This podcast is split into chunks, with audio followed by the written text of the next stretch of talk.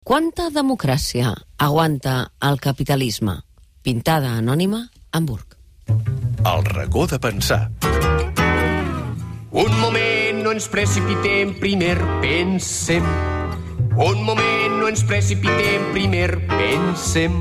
Jo pense, tu penses... Ahir, ahir al vespre, al Centre Cultura Contemporània de Barcelona es va produir un diàleg molt interessant, que tant de vol pugueu recuperar íntegrament, perquè van estar dues hores parlant amb el catedràtic d'Economia Anton Costas i en David Fernández. Tots dos són aquí perquè com que eh, hi havia coses que teníem ganes de compartir amb l'audiència, a part de dir-vos que intenteu buscar a través del CCCB, que segur que hi és, eh? i ara estic parlant, eh, segur, segur que existeix, hi ha tot penjat, l'Ara ho va organitzar, va ser un diàleg entre Anton Costas i David Fernández moderat mm, per Esther Vera, la directora de l'Ara, i van quedar algunes qüestions eh, damunt de la taula que són molt interessants i que volíem reproduir aquí, sobretot en el context on som. Per tant, donem la benvinguda a David Fernández, molt bon dia.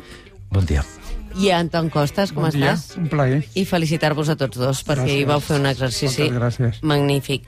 Um, I com ho enfocarem, David? Perquè realment jo avui venia cap aquí i pensava, ostres, ahir van tenir dues hores, avui això, per sintetitzar això, això serà molt difícil. No ho sé com ho farem perquè la idea inicial era explicar avui no tant el debat i les diferències i les discrepàncies, que són i, i, i són bastantes i són, i són de fons segurament, sinó en què ens havíem posat en què ens havíem posat d'acord, no? En un context eh, doncs, mundial i, i també eh, local doncs, eh, que estem vivint i que podríem ja quasi que recuperar per Spinoza, no? que igual potser podem fer molt o no podem fer molt, però una cosa que podem fer és no, auto, no autoenganyar-nos no? i saber exactament no? eh, on, on som. Un debat intens, que és, jo crec que era un debat, ahir quan tornava cap a casa deia, era un debat que és una necessitat, que s'hauria de fer molt més entre veus molt, molt distintes, i que al final que era una necessitat, ahir al vespre, coses que passen, es va convertir en un plaer.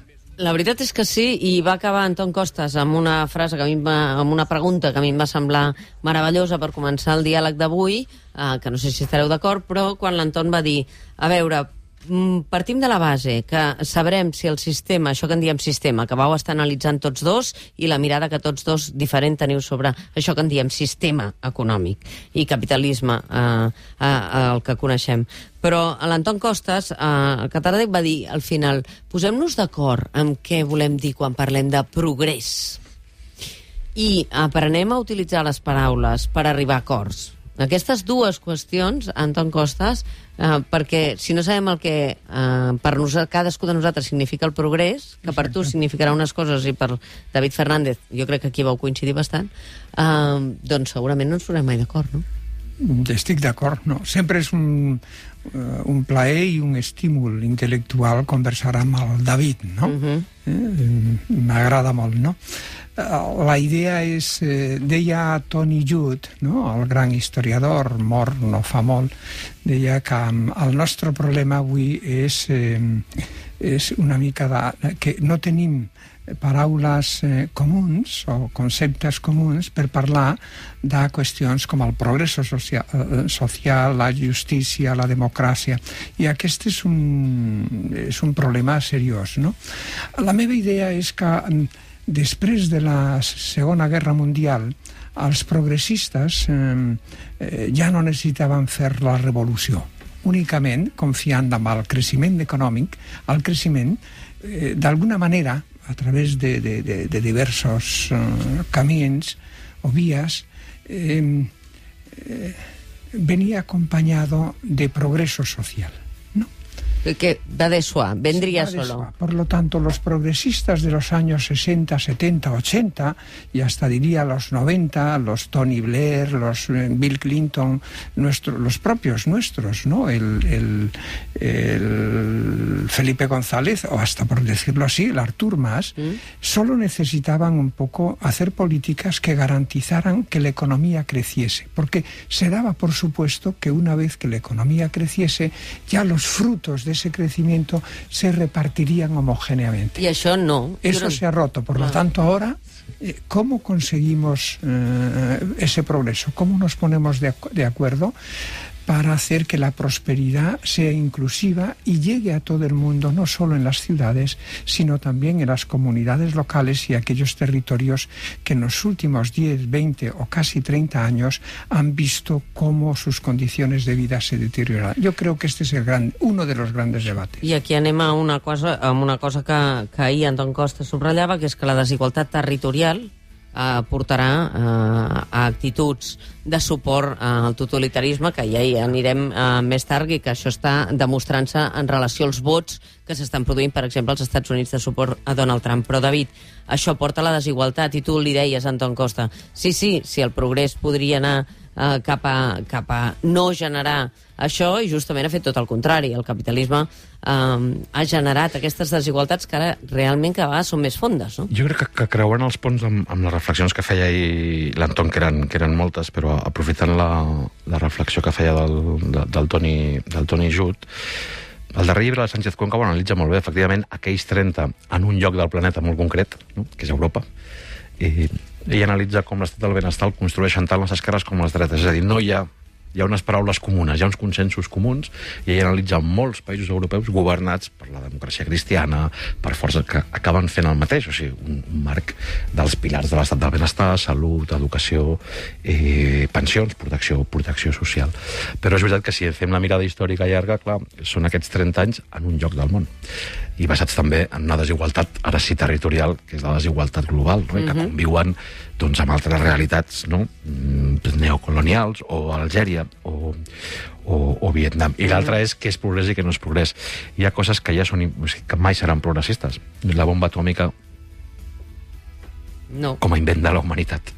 No, no té cap ús progressista, és, és, és impossible, no? Però mm, jo crec que està bé centrar les bases de què entenem eh, per progrés, i ahir utilitzàvem dades oficials de la Comissió Europea, quan parlava del PIB en termes eh, econòmics, no? i deia Catalunya, de les 272 regions econòmiques, té el lloc 54, en creixement econòmic, mm. en PIB. En, no? eh, però, en canvi, si vas a l'altre PIB, que és el PIB social, que també és de la mateixa Comissió Europea, que és l'IPS, Índex de Progrés Social, que incorpora aquells elements que abans en teníem com a progrés, lluitar mm. contra les desigualtats, erradicació del dolor, eh, de veiem fins al lloc 100, 165. Per tant, ha estat 30 anys en la història de- d'Europa són pocs. Malauradament, són pocs anys, i quan, quan es va capgirar tot. no? Ahir es va produir una cosa, quan vaig acabar de sentir-vos, Anton Costas i a David Fernández, en aquest eh, diàleg al CCCB, anava cap a casa i eh, anava escoltant la conferència de premsa que estava fent Pedro Sánchez sobre les mesures extraordinàries a prendre eh, de cara al coronavirus. I feia molt poca estona que jo havia sentit com Anton Costas deia tècnicament es pot fer, deia, tècnicament es pot fer que aquesta situació de crisi que pot, pot generar el coronavirus, eh, ho estem veient perquè hi ha algunes empreses eh, que estan perdent el 40% de les seves reserves, deies tu, eh, salvem les empreses, no generi atur i protegim les persones més vulnerables. I clar, jo sentia Pedro Sánchez dient eh, ens concentrarem molt en què, malgrat que ajudarem a les empreses a flexibilitzar determinades qüestions, no ho aprofitin per fer fora gent. Ho hem viscut a la crisi, amb la crisi econòmica ho vam viure, ha generat atur, ha generat més pobresa, ha generat més desigualtat. I pensava, mira tu, o sigui, ell està di dient quines mesures, diu, ho vigilarem, però jo pensava, doncs que truqui a l'Anton Costas, perquè l'Anton li dirà com tècnicament ho ha de fer, no? Realment la situació és, és una altra vegada si aquesta crisi afectarà els més pobres, no? Els més vulnerables. Sí, sí, sí. eh, yo creo que eso es el- el- un riesgo probable, no, eh, no inevitable, es un riesgo probable que hay que, sin embargo, eh, eh, evitar de cualquier forma. ¿Por qué motivo? Lo hemos visto ya en la, en la crisis sanitaria. Si tú no intervienes en los primeros momentos ¿no? para, para frenar el primer golpe, después vas a ir siempre al remolque de los acontecimientos. De la misma manera, si tú ahora no frenas la caída de la economía, después vas a ir a remolque de ella. Y eso ya nos pasó. Es decir, yo mi idea es que Europa, las autoridades europeas no pueden volver a cometer el error del 2010, ¿no? cuando en plena eh, contracción de las familias, del consumo privado, porque tenías que hacer frente a las deudas Sí. y tenías que reducir el consumo, las empresas comenzaron a caer, es decir, como tú tuviste aquel, perdón, el error fue que por un lado eh, el sector privado caía y tú sin embargo desde el sector público aplicaste la austeridad fiscal. Es que es, es de verdad, es, es como si eh, un médico hubiese olvidado todo lo que estudió en los manuales de medicina e hiciese lo que le diese la gana. Bueno, pues los manuales de, de economía te decían que en aquel momento no podías aplicar la austeridad fiscal. Aquel fue un error el error del 2010. El riesgo ahora es que probablemente no vamos a cometer el mismo error, las autoridades europeas, pero no les veo aún el sentido de urgencia que necesita la situación actual. Y lo que te dicen es, estamos monitorizando la situación. Leñe, deje usted de monitorizar e intervenga. Bueno, no? ahir, eh, quan vosaltres et devien sentir, perquè al sortir eh, Úrsula von der Leyen va dir que anunciaven 25.000 milions d'euros d'injecció mm, per solucionar la crisi, que no sé pas si serà la solució. Però en qualsevol cas, eh, ahir tu, eh, David Fernández, estaves especialment, eh, no sé si realista o pessimista, però vas dir el capitalisme és tan eh, inviable com invencible, eh, a la qual cosa l'Anton va reaccionar, vull dir, recupereu aquest Òbviament. moment, i amb una metàfora sobre el colesterol bo i el colesterol dolent, que jo crec que és molt gràfica, uh, però és veritat que el que va passar en la crisi econòmica del 2008, ara, amb una altra lògica, eh, perquè la crisi sanitària i del coronavirus és una altra, es podria tornar a repetir, no? Jo, per, jo suposo que en la vida i en la lluita el més inútil és no aprendre mai res i no aprendre de les lliçons tan recents perquè és molt recent, 10 anys no és res i, i l'epitafi de la crisi que també ressenyava l'Anton jo crec que són dos declaracions oficials. La ministra Salgado la crisi la va pagar quien no la ha provocado no hace falta decir nada más i el senyor Mascolell dient el sector públic no té la culpa del que ha passat però vam veure, vam veure com el pressupost d'educació davallava un 20%, el de salut un 15% i el de protecció social un 14, un 14,9. Eh, com a nou. I hem vist també aquest estiu, crec que ahir ho recordàvem, com ni més ni menys que el senyor Juncker demanava perdó mm. no?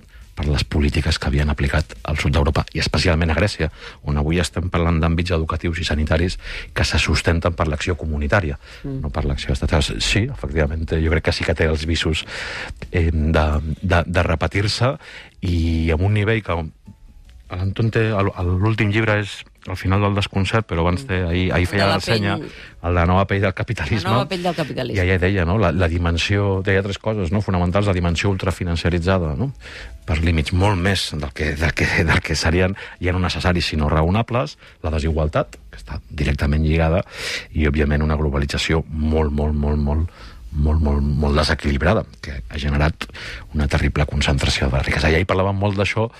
A mi quan diuen és la crisi, jo sempre recordo Schroeder, no?, el canceller alemany.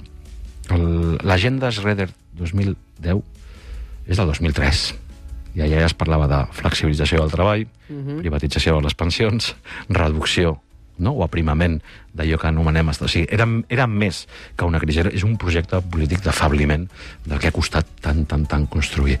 I la CDU d'Angela Merkel, el, el 2013, van categoritzar el seu model d'actualització dels consensos, és l'única paraula en alemany que sé, eh, market conforme democracia, democràcia adequada als mercats, i carai, jo pensava que era al revés, no? que, és, que, és, que és el mercat qui s'ha d'adequar a la democràcia. No? Clar, perquè la lògica canviés, eh, i ahir quan Anton Costas analitzava els diferents factors de l'economia, del sistema, això que en diem el sistema, i deia hi ha una part d'economia cooperativa, hi ha una part d'economia col·laborativa, hi ha una part de petites, mitjanes i grans empreses, i hi ha també l'economia del monopoli, dels grans monopolis digitals i les grans corporacions. Distingia, per dir, no demonitzem tot el, el sistema, sinó focalitzem on està el problema. I jo pensava, l'educació té molt a veure amb, finalment, a quins principis regiran eh, la nostra vida d'aquí tres generacions. Tu reivindicaves, eh, Anton, l'educació de 0 a 4 anys de manera universal, Però si aquesta educació no pivota sobre el concepte i els valors de cooperació més que de competitivitat, és molt difícil canviar aquest sistema, perquè el pes de l'economia monopolística i de les grans corporacions, si el que transmetem és una educació estrictament competitiva i no cooperativa, no canviarem l'equilibri dels diferents actors sistemàtics, no? Sí, sí, sí, no, totalmente de acuerdo. Hay ciertos conceptos que se nos, o términos más bien, eh, que se han difundido en las últimas décadas que son perniciosos. Uno es la idea de excelencia. ¿eh? que la educación debe tender a la excelencia. Eso es una perversidad porque eh, si orientamos los sistemas educativos y a las propias personas jóvenes hacia la idea de, de la excelencia, lo que estamos introduciendo es desigualdad, porque lo que estamos olvidando es que las personas, no, los niños, no somos iguales, no tenemos las condiciones de origen, ¿no? Y aquellos que familiarmente tienen unas mejores condiciones pueden aspirar un poco a esa excelencia. Dice, pero ¿y los demás? ¿Qué nos sucede si nos dejamos llevar por ese concepto? Que más adelante aquellos que la, que la vida les ha beneficiado, les ha favorecido, considerarán que ellos están bien porque son personas excelentes, mientras que todos aquellos que se han quedado atrás ¿eh? son personas que no se lo merecen, cuando en realidad no tuvieron las mismas oportunidades. Por lo tanto, eso en primer lugar. En segundo lugar, hay que orientar no solo la educación, sino otros ámbitos de la vida cotidiana hacia la idea del interés general del bien común.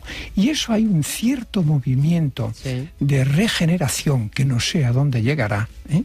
Eh, en el ámbito de las grandes empresas que consiste en decir lo siguiente eso fue la gran, la, gran no, la sorprendente declaración de 181 CEOs de los primeros Sí. ejecutivos de las 181 eh, corporaciones más importantes de Estados Unidos que en el mes de, de agosto, perdón, de agosto, sí, a mediados de agosto del año pasado, de pronto nos sorprendieron con esta declaración, que a grandes rasgos di- decía, dice, miren ustedes, confesamos que hemos estado dirigiendo mal nuestras empresas, nuestras corporaciones en los últimos 30 años, porque solo lo hemos hecho pensando en nuestros accionistas, que era aquello de maximizar el valor para el accionista.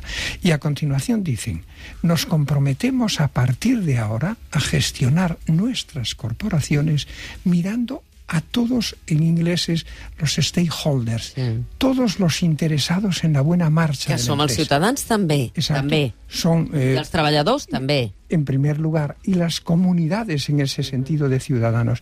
Bueno, yo creo que esto es un poco la línea que deberíamos perseguir tanto en el ámbito de la educación, que es donde tú me preguntabas, como en otros ámbitos, especialmente en el mundo empresarial. Hay que pensar más en orientar nuestras actividades, nuestras energías al interés general, sin olvidar naturalmente los intereses que cada uno tiene, ¿no? que son legítimos. Sobre el coronavirus ens ajuda a pensar Santiago Albarrico. El coronavirus no ha revelat la fragilitat de l'economia global. El que ha revelat és la seva dependència dels cossos, dels cossos als que explota i nega amb la superació dels quals fantasieja material i simbòlicament sense parar. Aquesta fragilitat podria ser també una oportunitat per decidir quin món volem i caldrà procurar que ho sigui. Però molt em temo que si corporalment hem canviat poc o res en 40.000 anys, les modificacions culturals patides en els darrers decennis, que ens han fet tal vegada més conscients, ens han fet també més mandrosos i menys atents, o el que seria el mateix, més idiotes. Santiago Albarrico, Apologia del contagi. Doncs era un rei que tenia el castell a la muntanya. Tot el que es veia era seu, terres, pous, arbres i cases. I al matí des de la torre... A veure, estem d'acord amb això que diu Santiago Albarrico? Uh, David Fernández? Sí, jo molt. Com, soc, molt. com soc deixeble, doncs no, no puc dir... Però crec que l'Anton ahir matí, a la primera pregunta que vam de Sí, sí. deia coses molt, molt, Bastant- molt, bastant similars. molt properes i molt, molt semblants. Ens hem desvetllat del que som, de la nostra fragilitat, de la nostra vulnerabilitat. Són dos crisis aparentment distintes, sanitària i econòmica, però que ja ho estem veient que cavalquen, que cavalquen, que cavalquen juntes i molt, molt, molt, molt, molt apretades. Però ahir jo vaig acabar citant un economista, que és catedràtic eh, d'economia d'aquest eh, país, que ha sigut president del Cercle d'Economia, que es diu Anton Costas i que deia o contracte social perquè l'alternativa es diu barbària. Clar, uh, Anton, i fa bé el David Fernández de treure aquesta qüestió perquè tu una de les coses que t'amoïna i deies, jo pensava en el canvi climàtic que potser seria una bona excusa per refer el, el contracte social. Feminisme, però, que també va fer una, feminisme, una reflexió però, molt però ara no veig el, el rei, no veus, no veus quin és el, el, la tendència, el vector que ens pot portar aquí, no? No, no, de moment no, la veritat. Eh, ¿Por qué lo pensaba? Yo creo que el, todo acuerdo de nuevo social dentro de una, de una sociedad necesita de un cierto impulso moral que nos haga eh, eh, a todos mirar más allá de nuestros propios intereses para buscar elementos comunes, para construir, como se hizo después de los 40, un sistema sanitario. Por lo tanto, hoy para enfrentar problemas tan eh, intensos como son la pobreza de niños y de mayores eh, y de jóvenes, necesitamos nuevos instrumentos y nuevas instituciones que, que cubran ese riesgo de, de, pobreza permanente de niños y mayores. Pero para hacerlo necesitamos algún impulso moral. Y pensaba, ¿de dónde nos puede venir? Hombre, eh, pedir una guerra de nuevo mmm, no sería aceptable.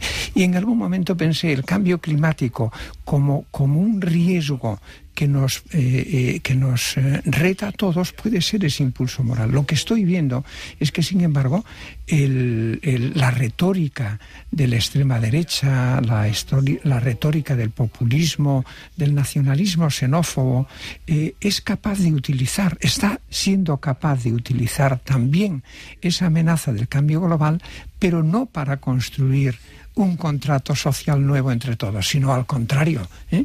Para eh, cerrar fronteras, fronteras físiques i fronteres també mentals. Que és el que fa que Foment del Treball ahir sortís dient escolta, uh, alerta, eh, que sí, les molt... nostres empreses són la primera cosa que hem de preservar, no?, d'alguna manera? Sí, ahir també ho vam parlar perquè va ser... Bueno, en el sentit contrari del que deia l'Anton, i era, anem a dir-ho així, bastant, bastant desagradable, com dient ara que estem en una crisi col·lectiva i que cadascú ha de portar, no?, i arrimar-hi l'ombra, com es diu en bon castellà, resulta que no, que si cadascú pensem en lo nostre, segur que allà eh, no, no, no hi ha sortida. També perquè ahir vam parlar molt de, de Cal eh, Polanyi i precisament la reflexió que feia sobre la natura dels feixismes contemporanis, si voleu, és aquesta altra tendència, no? Algú ha categoritzat el concepte ecofascisme, ecofeixisme, és a dir, el replegament de dir, i, a més, amb una cosa molt estúpida, pensar que una mica Bertolt Brecht, o ens en sortim tots, o no, o no se'n surt, ningú. o no se'n surt ningú. Sí, de hecho, eh, la persona que mató en Nueva Zelanda a 51 personas Humanes. se definió ante el juez como ecofascista. Sí, efectivamente. La veritat és que amb quina cançó ens anem del racó de pensar doncs d'avui? Doncs amb un regalet de la pianista de Sabadell, Lou Royce, que mm. presenta la cançó, aquesta cançó, el divendres, però que ens l'anticipa, i que es diu Candor. Doncs amb candor i amb un agraïment infinit a la conversa que vau mantenir ahir. Recupereu-la, si podeu, Anton Costas. I amb un agraïment a l'Anton, i tant. Uh, moltíssimes Per la meva gràcies. part, no, no. I també a l'Ara i al. CCTV. Gracias.